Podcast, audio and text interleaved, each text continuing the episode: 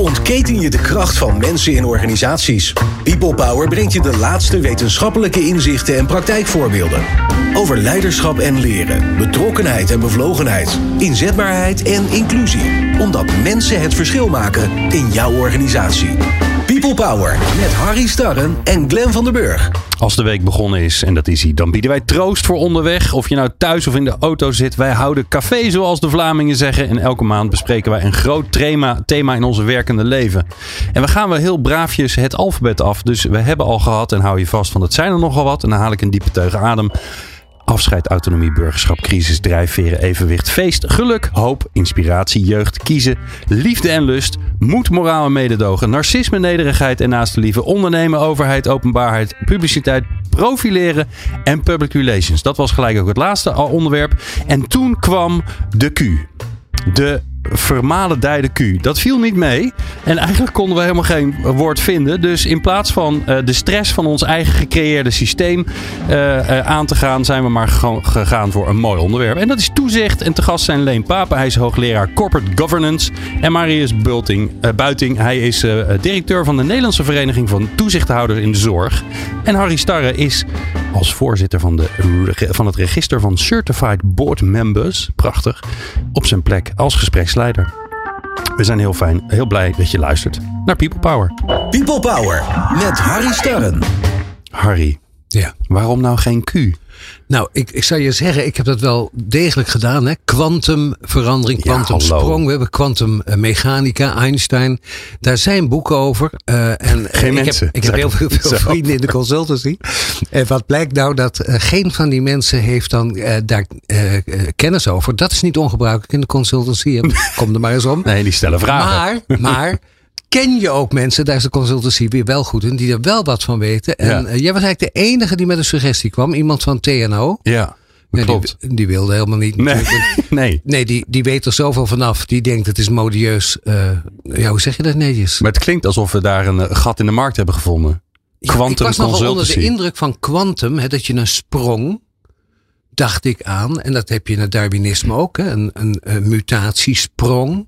Een, een plotselinge verbetering. Dus dat trok me wel enorm aan. Omdat het een beetje klinkt naar het ei van Columbus in de veranderings... Uh, beweging. Nou, daar, ik, ik zeg toe dat er ooit een publicatie over komt. Niet van mijn hand, maar van iemand. Een publicatie, maar, ook, ja.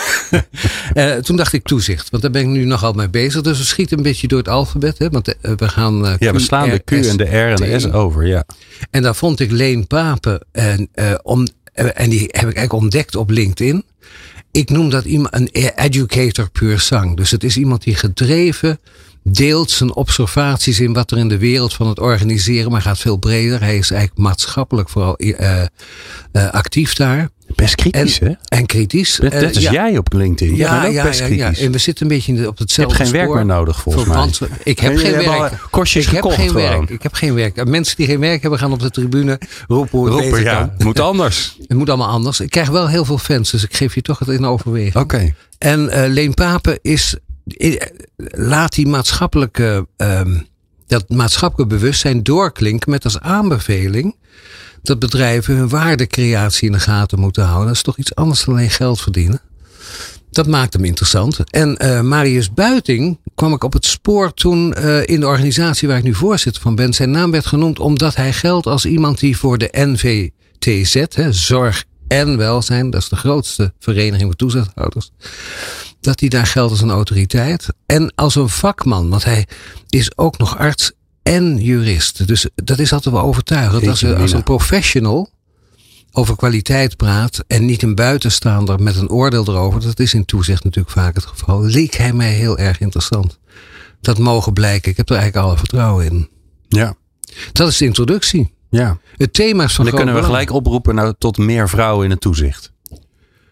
Dat, zou, daar Toch? had ik nu Doen we dat gelijk? Ja, ik had iemand uitgenodigd die kon niet en Marius was zo vrij. Moet Ja. ik het allemaal uit gaan leggen? Nee, nee, maar Nou, nou, dat is ja. toch heel gênant voor Marius dan? Hoezo? Nou, omdat hij dan, dan lijkt die tweede keus. Maar ik had een vrouw, hè? Dat is onzin. Er zijn heel veel eerste keuze. Eerste keus. Maar mag ik kijken? En je Ja, kunt er maar één tegelijk meteen bellen. over. In onze Marius. vereniging Ja. is het langzamerhand 50-50. Oké. Oh. Dus, eh, In zorg en welzijn. Ja, bij zorg en welzijn is eigenlijk het hele idee van vrouw-man. Dat is geen issue meer. Eh, culturele diversiteit, dat is nog wel echt Ja, een thema. ja. Maar dat begint gelukkig ook echt eh, te veranderen. We hebben bij uh, VNO-NCW en bij de SER hebben een mooie prijs gekregen. Omdat wij ook raden van toezicht opleiden. Mensen die toezichthouder willen worden. En speciaal eentje op diversiteit hebben ingezet. Jongeren, ervaringsdeskundigen, mensen met culturele andere achtergronden. Dus dat uh, begint door te werken. Ja, ja heel dus goed. dat is een, meer een beeld. Hè? Beeldvorming nu erg in. Maar in deze sector, in andere sectoren is er nog wel wat te doen. Man-vrouw is wel heel snel aan het veranderen. Ook omdat er dwang en drang wordt uitgeoefend. Toch? Ja, toch? toch hè? Ja, ik, ik, zie Leen knip, knikken.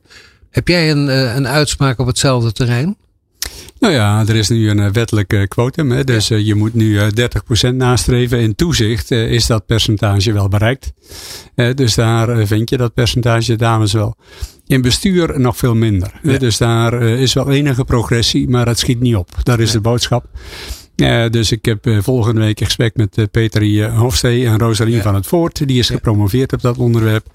En dan gaat het dus inderdaad over de vraag hoe krijgen we meer dames in die rollen. En ehm, ik moet dan ook altijd aan mijn dochter denken, Amber, 25 jaar. En die zegt, ja, die werkt nu bij een consultancy firm. Ja. En die zegt, ja pap, dan hebben we weer zo'n een, een webinar over diversiteit. En zegt ze, dan is het altijd, de dames moeten wat doen. En dan zegt ze in eh, de chat van uh, hallo, en wat gaan we nou doen om de heren op andere ideeën te brengen, andere gedachten te brengen, in plaats van aan de dames te vragen om zich anders te gaan gedragen. En ja, zegt ze dan achteraan, ja, pap, jij doet het natuurlijk ook. Want als je ergens over spreekt, dan heb je het bijna altijd over hij. En uh, daar zit natuurlijk wel een kern van waarheid in. Dus het is een hardnekkig issue en die, dat quotum eh, gaat zeker helpen, uh, uiteraard. Um, en dan is altijd weer de vraag, waarom eigenlijk 30 en geen 40 en geen 50? Mm -hmm. Want ja, 50 is natuurlijk ja, uh, een evenredig van Noorwegen hebben we afgekeken, geloof ik. Noorwegen, Noorwegen die heeft dat ook ooit zo daarvoor gekozen. En nou ja, misschien komt er daarna 40 en daarna 50. Want dat zou natuurlijk recht doen aan eh, hoe de samenleving in elkaar zit. Ja. ja, of een tijdje gewoon meer vrouwen dan mannen. Hè? Ik bedoel, wij hebben al, uh, onze, we hebben al een hele, hele lange tijd dat mannen de overheid hebben gehad. Dus Laten we het maar eens een keer gewoon omdraaien. Nou, er is wel veel onderzoek, als ik het goed uh, begrijp. Want ik heb het thema ook wel moeite met het thema. Is dat man-vrouw verdeelde organisaties beter performen, beter presteren dan eenzijdig mannen of eenzijdig vrouwen. Dus de mix is wel degelijk effectiever. Ja. Uh, want clubs met alleen maar vrouwen, dat is natuurlijk, uh, heeft hetzelfde nadeel, soortgelijk nadeel. Want ik weet niet of het hetzelfde nadeel is, maar soortgelijk nadeel. Maar misschien is daar nog wel iets leuks over te zeggen. Ja? Want ik denk dat het ook gaat over uh, hoe zijn organisaties ingericht. Recent heeft Kiki Lombard, hoogleraar aan Amsterdam, een hele interessant artikel, wat de grootste tijdschrift heeft gehaald.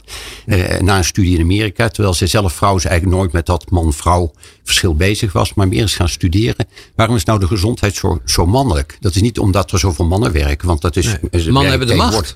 Nou, de macht, maar uh, het gaat er ook om dingen gaan in de genen van een organisatie zitten. En ik zeg wel eens, hè, uh, als er iets op mijn grafschrift gebeiteld mag worden, is de volgende zin. Hè, wij denken dat we denken, maar grotendeels worden wij door onze hersenen gedacht. Dat zijn eigenlijk onze overtuigingen. Hm. En die overtuigingen zijn diep in organisaties ingeweven. En wat haar zo ontzettend opviel, is dat er zo mannelijk gehandeld wordt, omdat in het verleden door mannen die organisaties zijn ingericht. Ja, ja, het is een soort erfgoed. Ja, het, ja en een onbewust erfgoed. Hè, dus je hm. denkt dat het zo moet.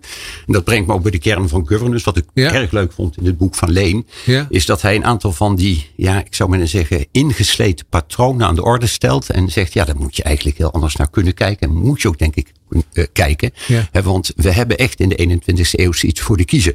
er moeten echt heel veel dingen veranderen. Maar we denken dominant 19e en 20ste eeuw. Dat zit als blauwdrukken in onze organisaties. Nou ja, staatsrechtelijk ook. Hè, Thorbecke enzovoort. Dus de partijendemocratie. Je zou kunnen zeggen dat wij nog steeds in de 19e eeuw. Hè, de erfenis van de 19e eeuw leven. En dat onbewustzijn. Wat zijn die patronen, Leen? Kun je ze wat zijn nou de dominante patronen waar we mogelijk doorheen moeten breken? Nou, e- even nog één opmerking. Ja, ja, wat eh, Marius zei. zei. Dus um, ik begin meestal eh, met een van mijn favoriete quotes en die is van Max Planck. En die quote zegt, uh, als je anders gaat kijken, dan verandert de werkelijkheid. Ja.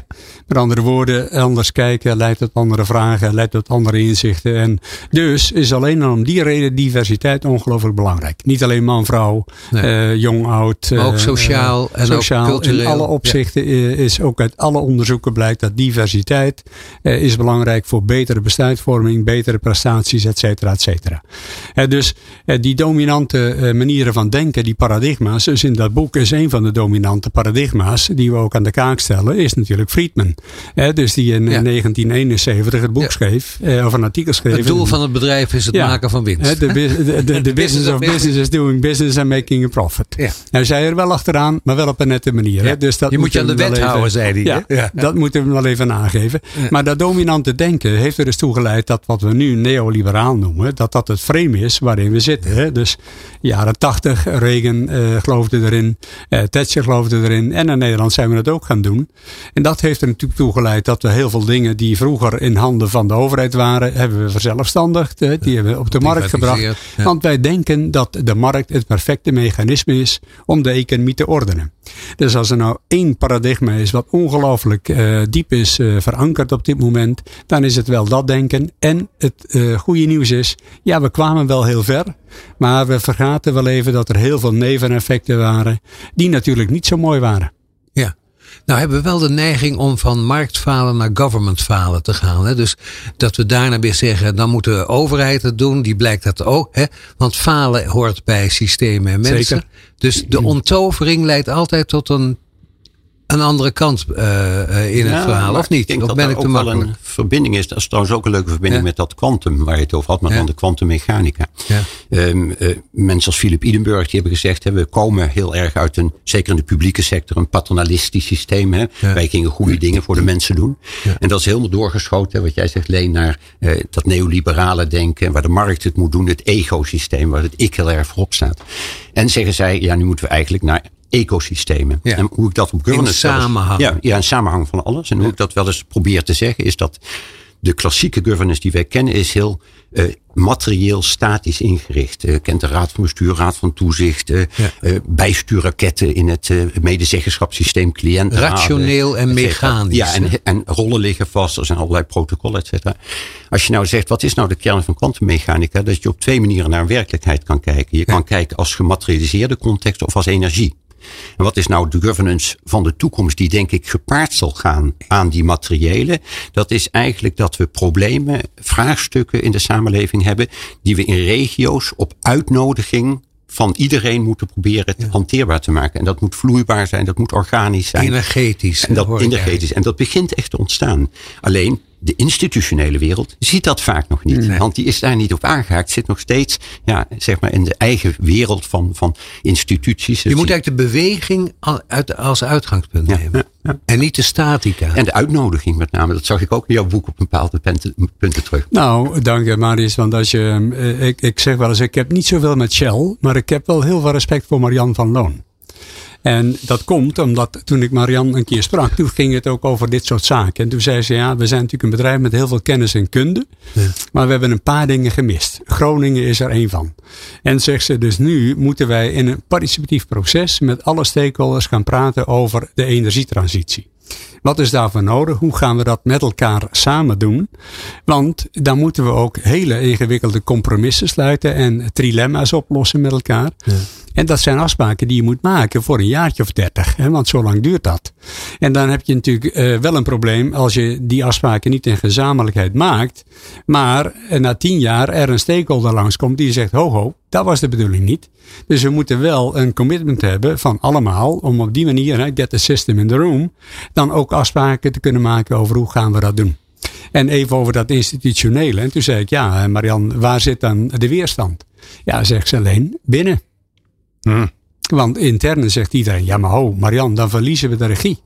Ja, zegt Marian, dan verliezen we de regie. Ja, maar Marian, is er dan nog wel een businessmodel voor Shell?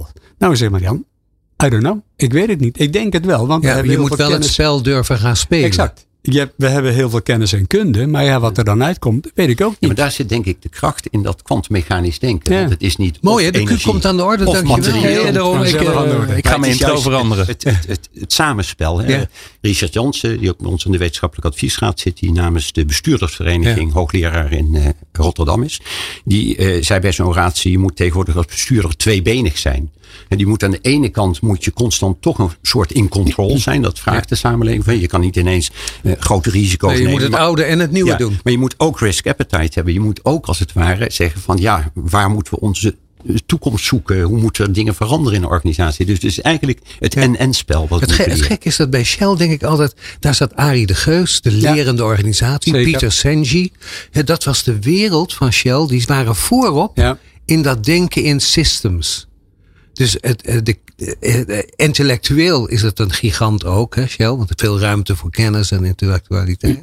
maar vreemd genoeg niet doorgeklonken uh, nou, dat is wel aardig dat je dat zegt, Harry. Want ja. uh, ik zei net, ik begin mijn presentaties meestal met Max Planck, hè, fysicus. Ja. En, en ik eindig met Arie de Geus. Ja.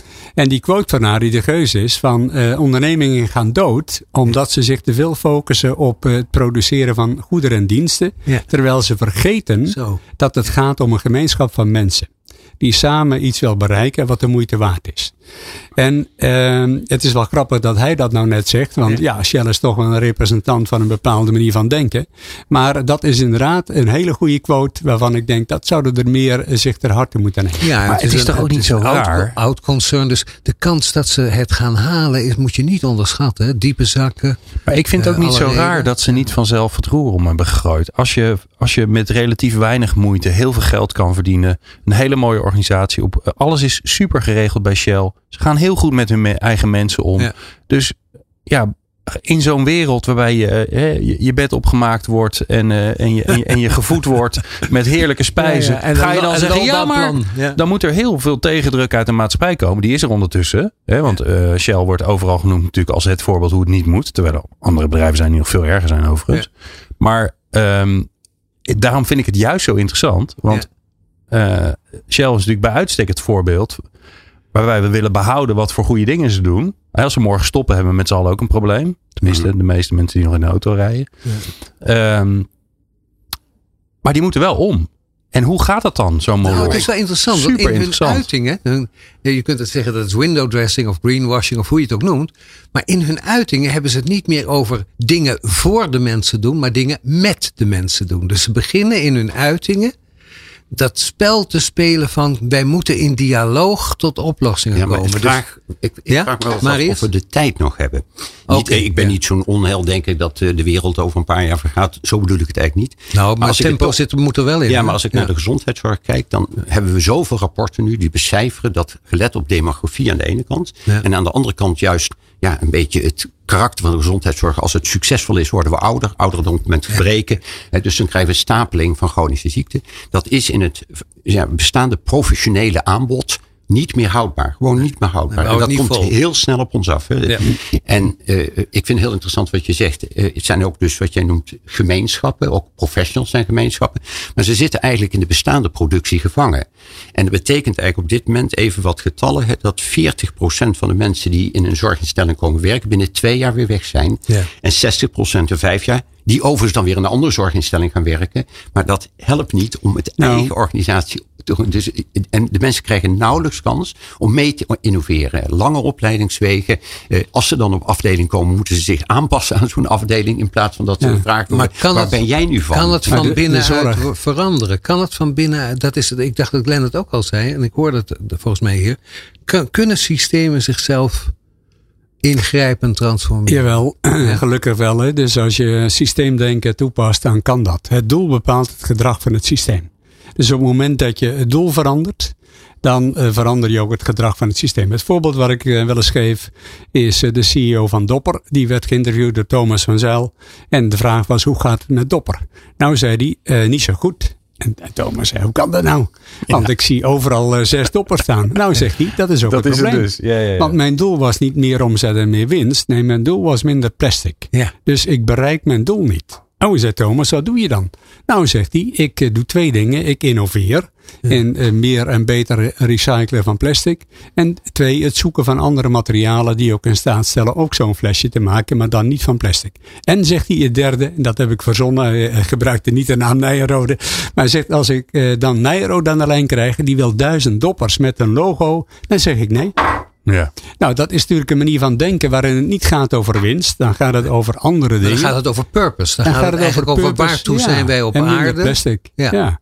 En, en dat geldt zorg, voor de gezondheidszorg ook. Hè? Een gezondheidszorgsysteem. nou, maar de zorg is een goed voorbeeld. Hè? Dus tenminste 20 miljard per jaar. 20 miljard per jaar gaat door het putje in de zorg. 20 miljard. Onzinnige zorg, onder andere. Nou ja, onzinnige zorg wil ik het niet noemen. Het is vooral bureaucratie. En vooral natuurlijk ook een systeem wat we hebben gecreëerd. waarin alles via DBC'tjes moet, via allerlei ingewikkelde procedures. En als je wel eens de zorg hebt meegemaakt, thuiszorg. Hè, ik heb dat ook gezien met mijn schoonouders.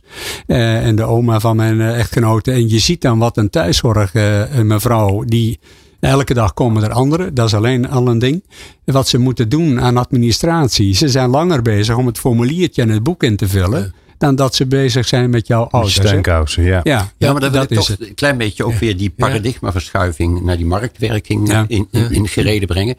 Het is de zorg niet alleen maar overkomen. Dat, dat is misschien niet goed gezegd. Maar het is wel juist dat marktperspectief wat dit heeft bereikt. Zeker. Als ik probeer uit te leggen eigenlijk wat de afgelopen Daar zijn jullie het volgens mij 200 Ja, maar toch om dat ja, te duiden. En dus wat nou dat marktperspectief zo uh, ja, fnuikend maakt, zeg maar, is dat het stond op emancipatoren bewegingen. Dus vanaf de, uh, de, de begin 19e eeuw krijg je eigenlijk het idee van eerst vrij en slaven, vrouwen. Ja, uiterst aantrekkelijke motieven. Ja, nee, hartstikke goed. Maar dat leidt tot twee dingen. Dat is bureaucratie en standaardisatie.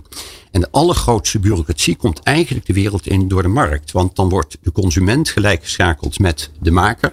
En dan moet in contractsovereenkomst heel precies van tevoren worden vastgelegd wat je ervoor krijgt. En een heel groot deel van die bureaucratie is in de zorg gekomen door dat in die DBC's precies beschreven moet worden wat er precies in dat product. En daar werd op afgerekend door het Zorginstituut, door de NZA.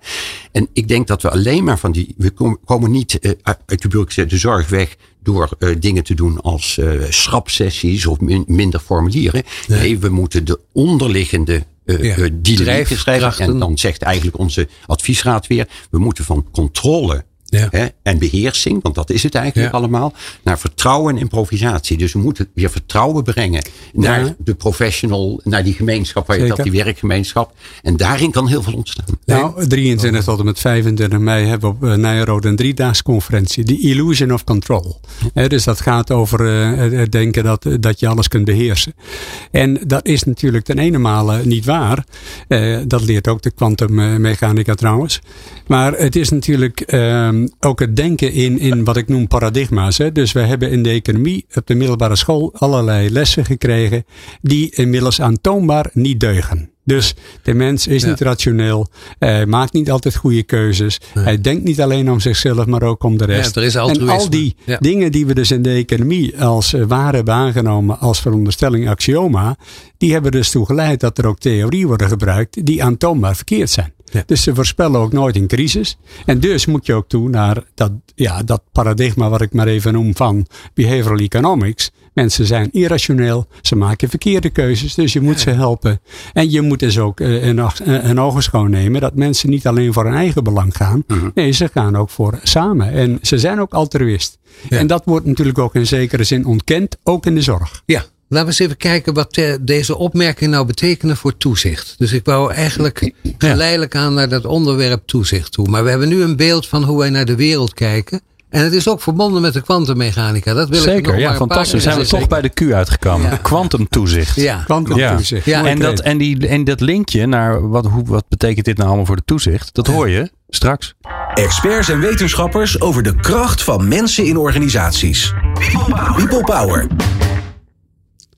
Toezicht. Daar zouden we het over hebben. Het ging over kwantummechanica, tot mijn verbijstering en verrassing. Want ik dacht dat ik dat niet had gehaald. Maar blijkt Leen Papen en Marius het over kwantumperspectieven te hebben. Hè? Ja, dat wat is... je ziet wordt beïnvloed door wat je ziet. Hè? Je, ja. Hoe je kijkt bijvoorbeeld. En het is zowel het een als het ander. Ja, en tegelijk. toezicht zit het woord kijken in. Hè? Zicht.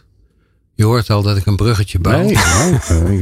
uh, dus, uh, wat is nou de, de zo algemene vraag dat iedereen daarover kan meepraten, maar laten we het proberen. Dat doe je voor wat mij. Is er aan, dat doe ik voor jou. Dat, wat is er in toezicht aan de orde, gelet op dat eerste stukje waar wij over spraken? Wat betekent het voorgaande voor toezicht houden in Nederland?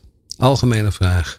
Marius begint volgens mij. Dat is mijn, ik vind het goed, ja. Voor, ja, uitstekend idee. Oké, okay, toen ik uh, tien jaar geleden directeur werd bij de NVTZ. Ja. toen heb ik gewoon maar eens even de vinger in dat badwater gehouden. En toen zijn me twee dingen opgevallen dat raden van toezicht zeiden, wij moeten niet op de stoel van de bestuurder zitten. En waarop ik zei, lijkt me ongemakkelijk. Ja, maar wat doe je dan wel? En dan kwam er eigenlijk niet zoveel. als je dat dan ook weer zorgvuldig bestudeerde, keek men eigenlijk naar financiën in de achteruitkijkspiegel. Heel sterk plan- en controlgericht. Nou, wat ik toen heb gezegd, we moeten als het ware een rijker portfolio hebben. de Raad van Toezicht moet leren veel meer naar alles in een organisatie te kijken. Dat bouwen in de loop van de tijd op. Naar kwaliteit, naar veiligheid, naar mensenorganisatie, naar innovatie, et cetera. Dus dat helpt al als die Raad van Toezicht een rijker en een bredere blik gaat krijgen. Het tweede, denk ik, dat moet veranderen, is dat de rollen zoals klassiek worden gedebiteerd en ingevuld, dat die gaan verschuiven. Denk bijvoorbeeld de klankbordrol moet strategisch partner worden. Uh, de control compliance rol moet veel meer zijn een balans tussen risiconeming en risicoreductie. Ja. Uh, de werkgeversrol naar de bestuurder moet veel meer te zijn. Wat is de cultuur in de hele organisatie? Is dit een inderdaad wat jij net noemde, een werkgemeenschap die echt functioneert. Hoe wordt het goed is. en afgeleerd? En wat wij dan als laatste zeggen, de ambassadeurs, netwerkrol, daar voelen mensen zich vaak als toezichthouder wat verlegen mee. Loop je dan de bestuurder niet voor de voeten? Daar zijn we eigenlijk naar een nieuwe perspectief aan denken. De hoeder van de dialoog, de Raad van Toezicht, die zich permanent afvraagt zijn we in dialoog met degene zijn met wie we in dialoog verbinding? Of voeren we de gesprekken die we zouden moeten voeren? Zijn die gesprekken van kwalitatief genoeg niveau? Dus door dat soort rolverandering creëer je ruimte om dan vervolgens de stap te maken. Jongens, we moeten naar die toekomst. We moeten naar hele andere organisatievormen, et cetera. Maar die tussenstap heb je nodig. Die ik hoor jouw betoog opgebouwd worden uit dilemma's. Dat hoor ik goed, hè? Dat zijn spanningsvolle Daardoor ontstaan dilemma's, zou ik bijna zeggen. Oh, daardoor, daardoor, durf je naar dilemma's te kijken. Dan ga je van het blauwdruk denken naar het is zo simpel niet. Nee. Dus het is, In zekere zin bouw je daarmee creatieve spanning op. Ja, ja, Toch? Ja, het gaat ergens over. Dat en daar moet je dus eerst naar willen kijken. En er was zoveel uh, ja, uh, verhaal over toeteer en vooral een afstandelijk toeteer. De toezicht werd helemaal ingevuld, niet op die stoel van bestuurder. Eigenlijk was men in de boardroom naar niks aan het kijken. Nu gaan toezichthouders de organisatie in, praten met veel meer mensen. En als ja, je vroeger dat was dat nou dan, hè? Je mocht, je mocht geen passeerbewegingen maken. Maar wat vinden die bestuurders daarvan? Nu nou, dat gebeurt? Ik denk dat een van de redenen waarom we dit hele proces rustig doen. Dus niet van dag op dag. Om vertrouwen te houden. Nou ja, vertrouwen, maar ook om de nieuwe evenwichten te zoeken. Als je iets ook weer leest in dat boek van Marieke Engels, die misschien een andere keer komt, is eigenlijk er is zoveel eh, wat we nog ongewend en ongemakkelijk vinden, dat we het ook niet makkelijk met elkaar in de orde kunnen stellen. Dus begin nou maar eens met die eerste stappen. En er zijn nog steeds stukjes die je moet veroveren. Hè? Want eh, die bestuurder die ook weer misschien niet helemaal omdat hij dat zo wilde. Maar het was een, een positie die je steeds meer kreeg. De organisaties werden groter. Er kwam steeds meer wat we noemen eindverantwoordelijkheid. En Strikker daar zei wel eens, een bestuurder moet niet eindverantwoordelijk zijn. Hij moet beginverantwoordelijk zijn. Maar als je in die eindverantwoordelijkheid helemaal ja, op Daar waar alles samenkomt. Ja, hè, dan, dan is het ook heel moeilijk om nog naar die organisatie op een andere manier te kijken. Maar ik denk, er is al heel veel aan het veranderen. Maar is het is heel onbescheiden. Maar ik kijk wel eens, ik heb een beetje meegemaakt. Zie ik bij die raden van toezicht toch vooral bangelijke mensen die over geld heel makkelijk kunnen praten, want dat is helder. Maar al het andere heel prudent en terughoudend hmm. in hun uitspraken zijn. Ja, maar hier is echt veel aan het veranderen. Want ja? eh, eerst was het eh, ja, ook weer in dat rolmodel. Je zocht dan ook naar dat soort mensen. Mensen, gewezen bestuurders, mensen uit de financial wereld, ja, et cetera. Maar nu zie je door uh, ja, eigenlijk al die nieuwe dossiers die we neerzetten. En door innovatie op de agenda zetten, zien we steeds meer jonge toezichthouders. Okay. Door kwaliteit op de agenda zetten kwamen steeds meer vrouwen in de Raad van Toezicht. Omdat in de kwaliteitsrollen veel veel meer vrouwen zijn. En al dat soort dingen. Je ziet eigenlijk doordat je daar ben ik daarmee begonnen. En je begint met het portfolio, de dossiers waar die Raad van Toezicht mee bezig is. die moet je rijker maken. Dat verandert ook al die diversiteit in die samenstelling van de Raad van Toezicht. En nou moeten we in die rolverandering gaan zitten. Ja. Overwegend positief, hè, lijkt je te zijn. Nou ja, het is een beweging. Die, en dat is natuurlijk altijd heel lastig. Uh, transformatieve bewegingen zijn diepe, trage bewegingen. En op het moment dat je ze gaat versnellen, verlangzaam je. Ja, ja dan loop je vast. Ja, je moet het gewoon stukje bij beetje, maar het moet wel continu dezelfde Traag, maar wel gestaag. Ja, zeker. dat is het Leen, je nou, luistert naar Marius, hè? Dat vond ik mooi om te zien trouwens. Zeker. Ik um, dank, ik herken veel. Hè? Dus uh, leiderschap, de boardroom gaat tenminste over vier V's. Ja? En de eerste is de V van visie. Dus je hebt een zeker narratief en doel nodig. Wat je, waartoe zijn wij op aarde? Waartoe zijn wij op aarde? Je kan het purpose noemen, je kan het van alles noemen. Maar die visie is nodig. En die kan ook verkeerd zijn, natuurlijk kan dat, maar die is belangrijk. Daarna is het allerbelangrijkste waar je aan moet werken, is veiligheid. En dat is niet fysieke veiligheid, maar dat is vooral psychologische veiligheid. Met andere woorden, uh, uh, mensen in toezicht en ook in, in bestuur moeten bij voortdurend daar ook over nadenken hoe je die veiligheid creëert. Want ik kan u verzekeren, het is een schaars goed in heel veel bedrijven. Ja. Echt heel schaars. En als je die veiligheid weet te creëren, dan komt er vanzelf vertrouwen.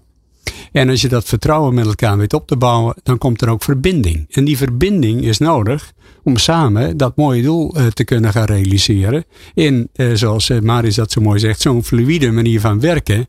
Waarin je samen moet ontdekken hoe dat nou het beste gaat. Dus ik zeg ook altijd tegen managers: jij wordt niet betaald om in te grijpen als het misgaat. Nee, dat is totaal verkeerd. Jij moet vooral ingrijpen als het goed gaat. En dan moet je mensen aanmoedigen, stimuleren, eh, steunen, vertrouwen geven dat ze fantastisch bezig zijn. Daar word je voor betaald.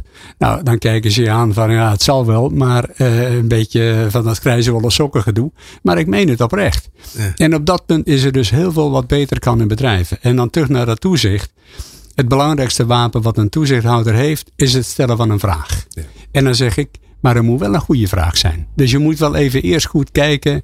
Hè, wat is hier aan de hand? Um, uh, een assessment maken vanuit diverse perspectieven.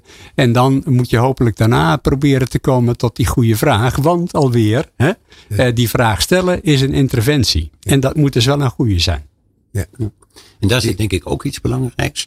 Um, dat uh, die toezichthouder, naar mijn gevoel, veel meer aan de voorkant die vraag moet stellen. Dus nu zie je vaak dat uh, heel veel wordt uitgewerkt in de organisatie. En dan uiteindelijk komt er een soort nou, ja, komt er een soort eindoordeel of En daar wordt dan nog vragen op gesteld. Terwijl strategisch partnership, ja, waar exact. Godijk ook heel veel over schrijft nu. Moet je bij het maken zijn. Eigenlijk bij het begin. En dat moet je misschien niet alleen bij die toezichthouder en die bestuurder doen. Nee, daar moet je eigenlijk al die samenleving bij betrekken. Het cliëntperspectief in de zorg. Uh, uh, de medewerkers, et cetera. Dus dat, dat als het ware bouwen van die narratief en van die visie. Moet je veel meer in gezamenlijkheid vooraan doen. En daar kan de toezichthouder een belangrijke rol in spelen. Door dat soort processen anders in te richten. Dus stel dat het bestuurder ja, dat niet zeker. doet. Dus bestuurder bevragen. Maar waarom doen we dat niet ja. aan de voorkant? Ja. Want je moet met elkaar en samen dat verhaal gaan Je moet durven parallel organiseren. Hè? Het is niet volgtijdelijk zoals we dat vroeger denk ik deden. Hè? Na elkaar. Maar parallel. Dus een, je moet een hoge complexiteit aankunnen.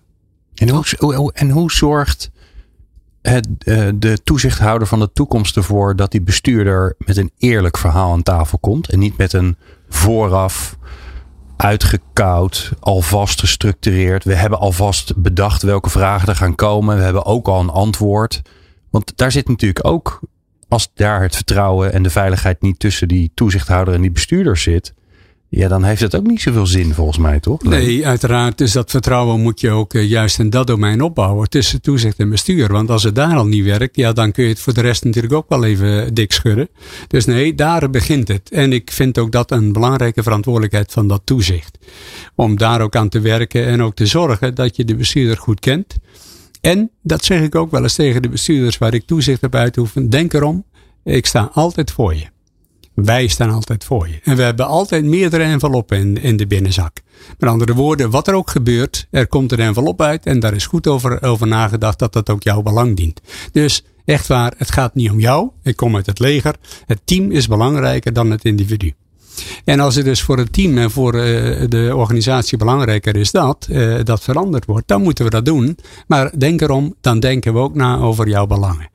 Dat helpt natuurlijk niet altijd, want dat is natuurlijk ook wel een beetje existentieel als je dat zo zegt. Maar het is wel belangrijk uh, om dat vertrouwen en die veiligheid met elkaar te proberen op te bouwen. Om daarna ook die goede vraag te kunnen hebben en te kunnen stellen. En wat Marius zei, ja, dat moet je natuurlijk een dialoog doen met elkaar. Daar moet je de ruimte voor creëren, daar moet je de tijd voor nemen. Dus wat je ook wel eens hoort, hè, bestuurders die zeggen, ik heb dat zelf meegemaakt.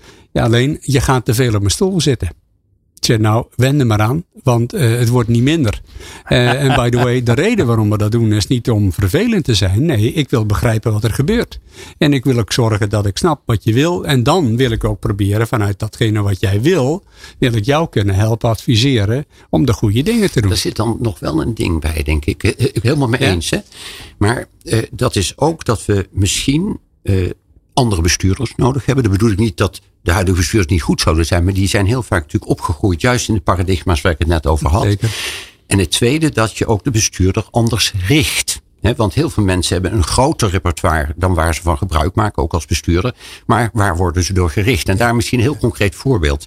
recent heeft Barbara Geurtsen, dat is onze brancheambassadeur welzijn, onderzoek gedaan in een masterthesis, bijvoorbeeld in vernetwerking. En vernetwerking is heel belangrijk, want nou, een grootste deel van de productie in zorg en welzijn gaat tegenwoordig niet meer standalone. Nee, daar heb je andere organisaties nodig, soms ook heel andersoortige organisaties, onderwijs, woningbouwcorporaties, etc. Alleen dat toezicht op netwerken, wat blijkt dan? Uit de interviews die ze heeft gehouden, dat raden van toezicht vaak juist op de risico's de vragen stellen. Dus bijvoorbeeld tegen de bestuurder, ja, raken wij dan niet eh, een deel van onze organisatie straks kwijt uh, in een samenwerkingsverband? Of als er iets met de veiligheid gebeurt, wie is dan aansprakelijk? En nou, allemaal dat soort dingen. En wat de toezichthouders veel minder doen, is eigenlijk zeggen: waar is dit samenwerkingsverband eigenlijk voor? En hoe kunnen wij bevorderen als organisatie dat die reden van die samenwerking, die purpose van die samenwerking, steeds beter gestalte krijgt? Eh, dus het is welke bestuurders zoek je? bijvoorbeeld ook bestuurders. Ik vind het telkens weer zo mooi wat je zegt dat die werkgemeenschap gevoed moet worden. Heel veel bestuurders komen uit de school van dat je een deployment doet. Dat je als het ware allerlei dingen in de top en in de stad. En dan naar beneden En dan naar beneden. Ja. ik noemde vroeger altijd implementeren noemde ik door de strot duwen. Naar binnen duwen. Dat betekent het letterlijk. Nee, het gaat om ontplooiing. ontplooiing van die organisatie. En daar kun je natuurlijk wel bij de aanstelling van de bestuurder al de bestuurder op bevragen. Is het een persoon die dat karakter ook heeft? Of kun je als, eh, als, als opdrachtgever, want de werkgeversrol naar de bestuurder is natuurlijk een hele krachtige, een bestuurder aanstellen die juist op die manier die organisatie binnenstapt in plaats van uit die deployment gaat. Maar eerst op gevaren cynicus, voor een cynicus te worden versleten. Als je mensen vraagt naar hun houding in het bestaan, in het leven, dan zijn dat bijna altijd wat dan chic heet espoused theories. Ze zijn altijd participatief, ze zijn altijd luisterend. Uh, dus uh, we weten inmiddels wel wat je moet antwoorden op die vragen. Dat klinkt cynisch. Nou, maar nou. je zou kunnen kijken naar track records van mensen die natuurlijk veel meer laten zien wie ze zijn en wat ze hebben gedaan. Eckhart Wins, die ik goed kende, die zei altijd: Harry, onthoud één ding. Die CEO die jij spreekt, dat is de man die zich in deze organisatie, hebben traditionele organisatie, dat is de man die zich het langst heeft weten aan te passen. Dat is ook zo. maar even, even op wat je zegt, dat luisteren, Dus er was onlangs een enquête gehouden door Egon Zender. Ja. En een van de vragen, eh, of een van de eh, uitkomsten van dat onderzoek was: in de top 10 hè, staat CEO's, ik kan niet luisteren. Als probleem. Ja, dat zeiden ze zelf. Dat zeiden ze zelf. Dus die CEO's zeiden: ik kan niet luisteren. Is goed gezien. Nou, als dat waar is, en het kwam uit die enquête van Egon Zender, toch niet de eerste, de beste, dan is dat zorgwekkend. en ik herken het ook wel, want ze zijn natuurlijk succesvol geweest, uh, ze zijn ver gekomen, ze hebben zich veel aangepast. En, en dus waarschijnlijk uh, is luisteren niet hun beste kwaliteit. Nou, gaat er maar aan staan als je dan in een participatieve manier samen tot een besluit wil komen. Want dat wordt hem dan natuurlijk waarschijnlijk niet. ook iets dat we ook organische vormen moeten vinden. Niet van ik zoek de beste man of vrouw. hè? En dat is het dan? Nee, misschien is er ook een proces in het begin. Hè? Ik denk even aan de Mayo Clinics. Hè? Dat is een van de weinige topziekenhuizen. Die zegt, we recruteren precies onze leiders eigenlijk uit de eigen organisatie. Terwijl in maatschappelijke organisaties bijna altijd bestuurders van buiten komen. Wat natuurlijk eigenlijk, waarom? Hè? Dan ken je de organisatie, je kent de geschiedenis niet. Maar eigenlijk een vorm van falen. Ja, nou ja, falen. Het is ook weer een soort patroon geworden. Daar we niet meer over nadenken. Het verandert trouwens hoor. Maar het tweede is eh, dat je zegt ja, als er dan een nieuwe CEO bijvoorbeeld of iemand in het bestuursteam van de Major Clinics komt, krijgt hij altijd een jaar, een soort proefjaar. En daarna wordt er pas besluiten, ben je iemand voor onze organisatie? Dus, dus je kan ook zeggen, het moet ook passen. Het is niet altijd dat de stijl van iemand past bij de organisatie waar je komt. En misschien moeten we daar echt veel Ja, misschien moeten we daar dus op een wat andere, meer vloeiende manier, want dat lijkt de lijn van jouw betoog te zijn, hè? dynamisch, vloeiend, begrijpend, minder opleggend, meer zoekend. Eh, naar elkaar acteren. Dat dat de houding wordt. De, de leuke uh, paradox zie je terug in het leger. Ik kom uit het leger, dus ik kan er ook met liefde over spreken. die hebben inmiddels een project opgestart dat heet de Adaptieve Krijgsmacht. Ja. ja. Nou, dan doe je mee aan zo'n programma en dan zeg je eigenlijk is dat heel raar. Want zodra jullie de kazerne uitgaan, dan zijn jullie onvoorstelbaar adaptief. dus je gaat uh, de kazerne uit om een opdracht uit te voeren. Dat heet zo mooi de commanders intent. He, verover het bos, verover de heuvel, beveilig de brug, whatever het Maar doe het op je eigen manier, hè? En je weet één ding, dan mag jij een plan maken. Op grond van wat er aan de hand is. Jij maakt een plan en iedereen weet in het leger, de eerste die sneuvelt, is het plan. Ja. Niet de waarheid, maar het plan. Dus met andere woorden, dan moet je adaptief zijn, dan moet je aan kunnen passen. Is het Nederlandse leger tamelijk goed in? Ja, ja, daar zijn wij tamelijk goed in. In improviseren, noem maar op. En, en zodra we dan het leger weer terugbrengen in de kazerne, ja, dan is de bureaucratie in, in duizendvoud weer terug. En dan, oh, dan loopt alles vast. Dan loopt alles vast. Merkwaardig. Dus, het is heel bijzonder. Jullie willen adaptief worden, maar je bent het daar al. Alleen als je daar komt, ja, dan, dan, dan kan er in één keer niks meer. en dat is toch raar. Oefenen, we kunnen het ook oefenen in onze eigen spellen, zeg maar. In toezicht en bestuur. Een heel mooi voorbeeld vind ik de Karen Drechtland groep. Daar hebben ze ook nieuwe taal gecreëerd. En ze hebben het niet meer over strategie, maar over strategeren. Ja. dus een werkwoord maken dat het eigenlijk een dynamisch proces wordt. En uh, mijn collega, ons Verstraten, is nu op de performativiteit van toezicht aan het promoveren. Dus we kijken eigenlijk niet van dit is toezicht en dat is het dan. Nee, wat doet dat met mensen? Want als wij een andere plan- en controlecyclus inrichten. of we gaan ineens tijdschrijven ergens invoeren, et cetera. dan doet dat veel meer ja. Dan we alleen maar denken. Dat wat we meten verandert ook de werkelijkheid. Dat is ook weer die kwantummechanica. Dat is het. Wat je meet, dat verandert de werkelijkheid. En toen ook eh, als voorbeeld in de zorg de DBC'tjes kwamen. Ik eh, las het. Ik zei, nou, dit, ik weet nu wat er gebeurt. Dat is namelijk veel meer DBC'tjes, veel meer kosten. en veel meer fraude. DBC's. En veel meer fraude. Eh, dus allebei is gebeurd. Eh, dus het idee was goed, maar daar was natuurlijk niet over nagedacht. Over hoe mensen reageren op prikkels en op impulsen. Dus eh, eh, het, het idee was goed, maar dat leidde natuurlijk tot het Midas tegenovergestelde. zegt er iets moois over. Uh, wij, uh, het menstype heeft één nadeel. Wij kunnen geen maat houden. Dit ons, hè, dus ons diertype kan geen maat houden. Maar dat is dus een menselijk ding, dat ligt niet aan mij. Het ligt aan het type. He, je oh, hebt ook uh, aasgieren die niet van het aas af. Dus die hebben de neiging, ook wij nu, als wij straks alles dynamiseren, zeggen we na verloop van tijd, niets kon meer statisch. Alles moest dynamisch. Nee, maar het is, ik denk, het heeft heel vaak te maken dat we de onderliggende patronen onvoldoende bestudeerd hebben. Ja. dus die DR, eh, de, DBC, die, die, die systematiek was al lang in Amerika gefaald. Hè? Maar daar hebben we helemaal niet naar gekeken. En we hebben ons vooral niet afgevraagd. Waarom heeft dat nou eigenlijk gefaald? Of waarom is dat niet goed gegaan? En een van de dingen volgens mij waarom het niet goed gaat. Is omdat de complexe samenleving van nu. Dat betekent dat er heel veel actoren zijn die allemaal onafhankelijk van elkaar bewegen. Andere vorm van besturing nodig hebben. dus je moet het niet proberen met een gecompliceerde methode op te lossen. Waar toch weer die controle uit, uit, uitspreekt. Maar je moet vanuit principesturing gaan denken. Hè, vanuit mechanismes die je aan die werkgemeenschap moet aandrijven. En waar ze dan zelf dingen kunnen gaan uitvinden. Hè. Dus het is een andere manier van inrichten. Dat geloof ik onmiddellijk. Er wordt ook de term deep simplicity gebruikt. Hè. Als je high complexity wil uh, uh, aanpakken, dan heb je deep simplicity en niet high complexity nodig. ik vind het ook wel leuk, mijn tandarts, als ik een klein voorbeeld wil geven over hoe die met de, het systeem acteert. Want waarom gaat het dan toch nog zoveel goed? Dat is, je wisselt gewoon van DBC's. er wordt zo geraffineerd in de praktijk met DBC's gewerkt, dat dat een van de verklaringen zou kunnen zijn dat het niet nog veel erger in het honderd loopt. Hm. Dan, ze, ze wisselen. Nou, maar, maar wat je vooral moet doen uh, in dat decompliceren is, want de complexiteit is er. Daar is weinig aan te veranderen. Maar wat je dan moet doen, minder regels. Dus minder regels is de oplossing en niet meer regels, want dat is het probleem. Dus de metafoor die ik ook altijd gebruik, is die van de verkeersrotonde. De verkeersrotonde is een simpel ontwerp. Je hebt namelijk maar één regel. En dat is op de rotonde heb je voorrang. Hij is goedkoop. Hij is eenvoudig. Hij kent maar één regel die iedereen kan onthouden. Het leidt tot betere doorstroming en tot minder ongelukken. Dus, dus de, de, de verkeersrotonde is een winnend concept in alle opzichten. Verre in Nederland hebben we maar één ding verkeerd gedaan. Dat is een plet het land vol met verkeersrotondes, dat is goed. Maar niet altijd is er voldoende ruimte. Dus nu eh, komen jij en ik aanrijden bij een rotonde en dan denken wij, shit, heeft die fietser voorrang of niet? Dus we hebben één regeltje, één complexiteit toegevoegd aan het systeem.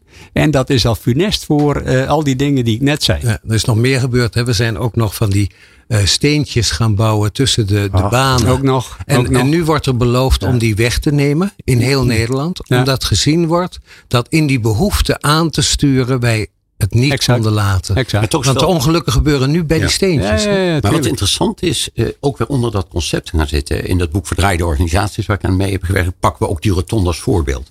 En het voorbeeld is eigenlijk dat uh, de meest onveilige plek op uh, de verkeer is eigenlijk die kruispunten met stoplichten. Ja. want daar heb je frontale botsingen. Die rotonde richt het gedrag ja, anders, want mensen raken onzeker en gaan zelf weer goed uitkijken. Dus het, als het ware ook weer hier de inrichting bepaalt het spel. Nu we, nu we over dit voorbeeld achter het uh, Centraal Station Amsterdam is een zeer gevaarlijke situatie. Daar zijn verkeersdeskundigen twee jaar mee bezig geweest om dat in orde te krijgen.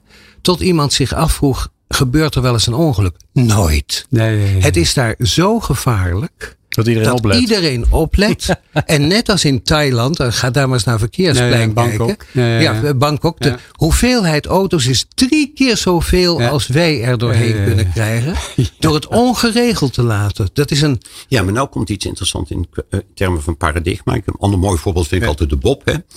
We hebben, nou weet ik hoeveel, mijn hele leven hebben we zo'n beetje glaasje op laatje rijden. En steeds strengere boetes en controles. Maar het hielp eigenlijk allemaal niet. Tot uit Vlaanderen, hè. afkijken altijd goed. De Bob kwam, bewust onbeschonken bestuurder. En daar laat je eigenlijk iets over aan het eigen sociale systeem. Je geeft ze een aantal eenvoudige regels en ja. zegt, ja jongens, het is toch onplezierig als je toch dat ernstig ongeluk. Eén simpele afspraak, wie gebruikt vandaag geen ongeluk. Dat heeft onvoorstelbaar veel opgeleverd. Ja. En dit is denk ik wat we ook zullen moeten leren in die 21ste eeuw. Die samenleving van nu is tot veel meer in staat dan we denken dat hij in staat is. En ja. wij zien dat vooral daar waar de zorg totaal wegtrekt. Bijvoorbeeld een mooi voorbeeld in Kloosterburen. Ja. Of waar hele creatieve mensen met elkaar zeggen. Ja, als wij het nou zelf doen. Ja. Auschwitz bijvoorbeeld. Hè, dus de zorgcoöperaties. We zijn als NVTZ samen met Nederlands, en zorg voor, Nederlands Zorg voor elkaar aan het kijken. Hoe moet je nou die institutionele governance en die governance van die samenleving steeds meer aan elkaar gewend laten zijn, op elkaar afgestemd laten zijn. Ja. Want uh, ik denk dat in die 2040 narratieven waar ik het over heb, krijg je een vier generaties samenleving. Heel weinig mensen nog die al dat werk kunnen verrichten. Cijfers zijn ja. dat één op de vier mensen in de zorg moet werken. Kan natuurlijk oh, helemaal niet. En als je nou maar die samenleving een ruimte geeft, zoals je dat de Bob hebt gedaan, ja. zoals die bezoekers aan het einde van, ja. of achterkant van het station, of rond die rotonde. Of kloosterburen. Laat die, laat, die, laat die samenleving veel meer ruimte, maar draag dan ook taken aan die samenleving over. Hou het niet bij projectjes en bij ja. uh, initiatieven. Nee, zorg dat dat. Maar het, het klinkt ook dat er dan, dan minder toezicht nodig is. Dus ja, dat scheelt weer een hoop mensen. ook zeggen, de samenleving vindt oplossingen, maar wij moeten wel leren ze te zien en in hun betekenis uh, te achten. Dus wat doen we nou met die oplossingen van de samenleving zelf? Nou ja, nou, dat vind ik even kern van. Sorry, ik, ik, nee, nee, dat, dat is wel één opmerking, ja, nee. Want je wilde ook nog wel even dat meervoudige waardecreatie benoemen. Mm -hmm. Dus um, zolang we dus het BBP als maat der dingen hanteren, ja. als maatstaf, ja, dan, dan moet de BBP moet groeien. Dus hoe meer zieken, dat is goed voor het BBP. Ja. En op het moment dat je natuurlijk ook vanuit zo'n perspectief wat jij schetst, in, in zo'n participatieve samenleving ook andere dingen zou gaan meten, als welzijn uh, of, of minder uh, mensen die eenzaam zijn. Nou, je kunt er van allerlei uh, criteria tegenaan gooien. Dan meet je meerdere dingen dan alleen maar dat BBP zoals ze dat nu doen. En waarschijnlijk helpt dat ook bij uh, het, het, creëren van die samenleving. Ja. Omdat we dan oog hebben. We zien het, we meten het. Je faciliteert de transformatie. Ja, exact. exact. Eigenlijk zeg je, exact. je gebruikt het oude om in het exact. nieuwe te raken. Exact. En je gaat niet de hele tijd de clash met het oude Precies. aan. Maar je zegt oké, okay, maar dan gaan we andere criteria toepassen. Precies. Ja, ja, het is de brug. Waar ging ons gesprek over? Want ik zie. Dat vraag ik jou altijd, ja, ja, ja. Waar ging het niks. over? Waar ging het over? Nee, zullen we het eens bij over. elkaar vragen? Waar ging dit tot nu toe over? Want nou, gaan ik, ik moet je eerder, ik, ik, ik dacht van tevoren toezicht. Ja. is niet echt het meest rock'n'roll onderwerp wat ik me kan bedenken. Nee. No offense, maar niet, dat is niet, niet heel erg mijn ding. Ja. En ik vond het een heel leuk gesprek, want het ging eigenlijk over in wat voor, in wat voor wereld leven. willen we ja, eigenlijk ja, wonen met z'n allen. En wat betekent dat dan? Ja. En dat is dan wel weer grappig, want als je het over toezicht hebt, dan denk ik, nou dan kijk je of het gaat. Hè, je kijkt of het gaat zoals het zou moeten gaan. En ik hoor jullie eigenlijk zeggen, toezicht zou meer moeten gaan over gaat het zoals we willen dat het zou moeten gaan. Exact. Hoe moet het gaan? Niet, niet van gaat het zoals het, uh, zoals het hebben afgesproken. Nee, is dat wel hetgeen wat we zouden moeten doen? Het is niet de controleur die langskomt. Ja om de meter op te nemen. Maar dat is ook zo interessant. Eh, toen uh, Wouter mij ging interviewen voor dat boek. Eh, toen hebben we het heel, heb ik het heel vaak over de etymologie van woorden gehad. En Aristoteles zei al, omdat we de taal niet meer verstaan, onze eigen taal. Daardoor creëren we onze eigen problemen. De controle is de contrarole, is de schaduwboekhouding. Dus is als het ware zo weinig vertrouwen hebben dat je nog een keer alles ernaast legt, de meetlat. Maar toezien is eigenlijk een heel mooi woord. Ja toe komt eigenlijk van een hele oude Saksische stam, Toho. En daarom maken we bij het woord toe altijd een gebaar, dat is op de radio moeten zien, maar eigenlijk een open gebaar. Hè? Ja. Uh, toe, uh, Uitnodiging. ja, toevertrouwen. dus het is eigenlijk vertrouwen geven. En zien, komt van zeean of zeen. Zien is eigenlijk dat naar voren kijken. Is, is als het ware. Dus toezien is eigenlijk een heel mooi woord. Alleen we hebben het veel te veel als het ware ja, wat verdraaid een naar extra boekhouder. Ja. Denk aan de inspectie komt. Pas op, de inspectie komt. Exact. De inspectie maar ook komt. het woord oh audit is natuurlijk eigenlijk prachtig woord. Dat betekent eigenlijk luisteren. luisteren. Maar we hebben er iets van gemaakt van controleren. Nou, dieren. Ja, et cetera. Dus, dus, nou, ik kom erachter dat wij het probleem zijn, jongens. Dus dan zijn wij ook de oplossing. Ja, daarom. Zelden waren wij zo dicht bij de oplossing dan toen wij ontdekten kijken. dat wij het probleem waren. Wij gaan anders kijken en daarna anders doen. Dat is het. Hij, hij zit erbij te glimlachen, Leen, want dat staat op de cover van zijn boek. Want ik, Heb je een boek ik ben een hele vluchtige lezer, maar het staat er ook. Hè. Anders durven kijken, meer kunnen zien.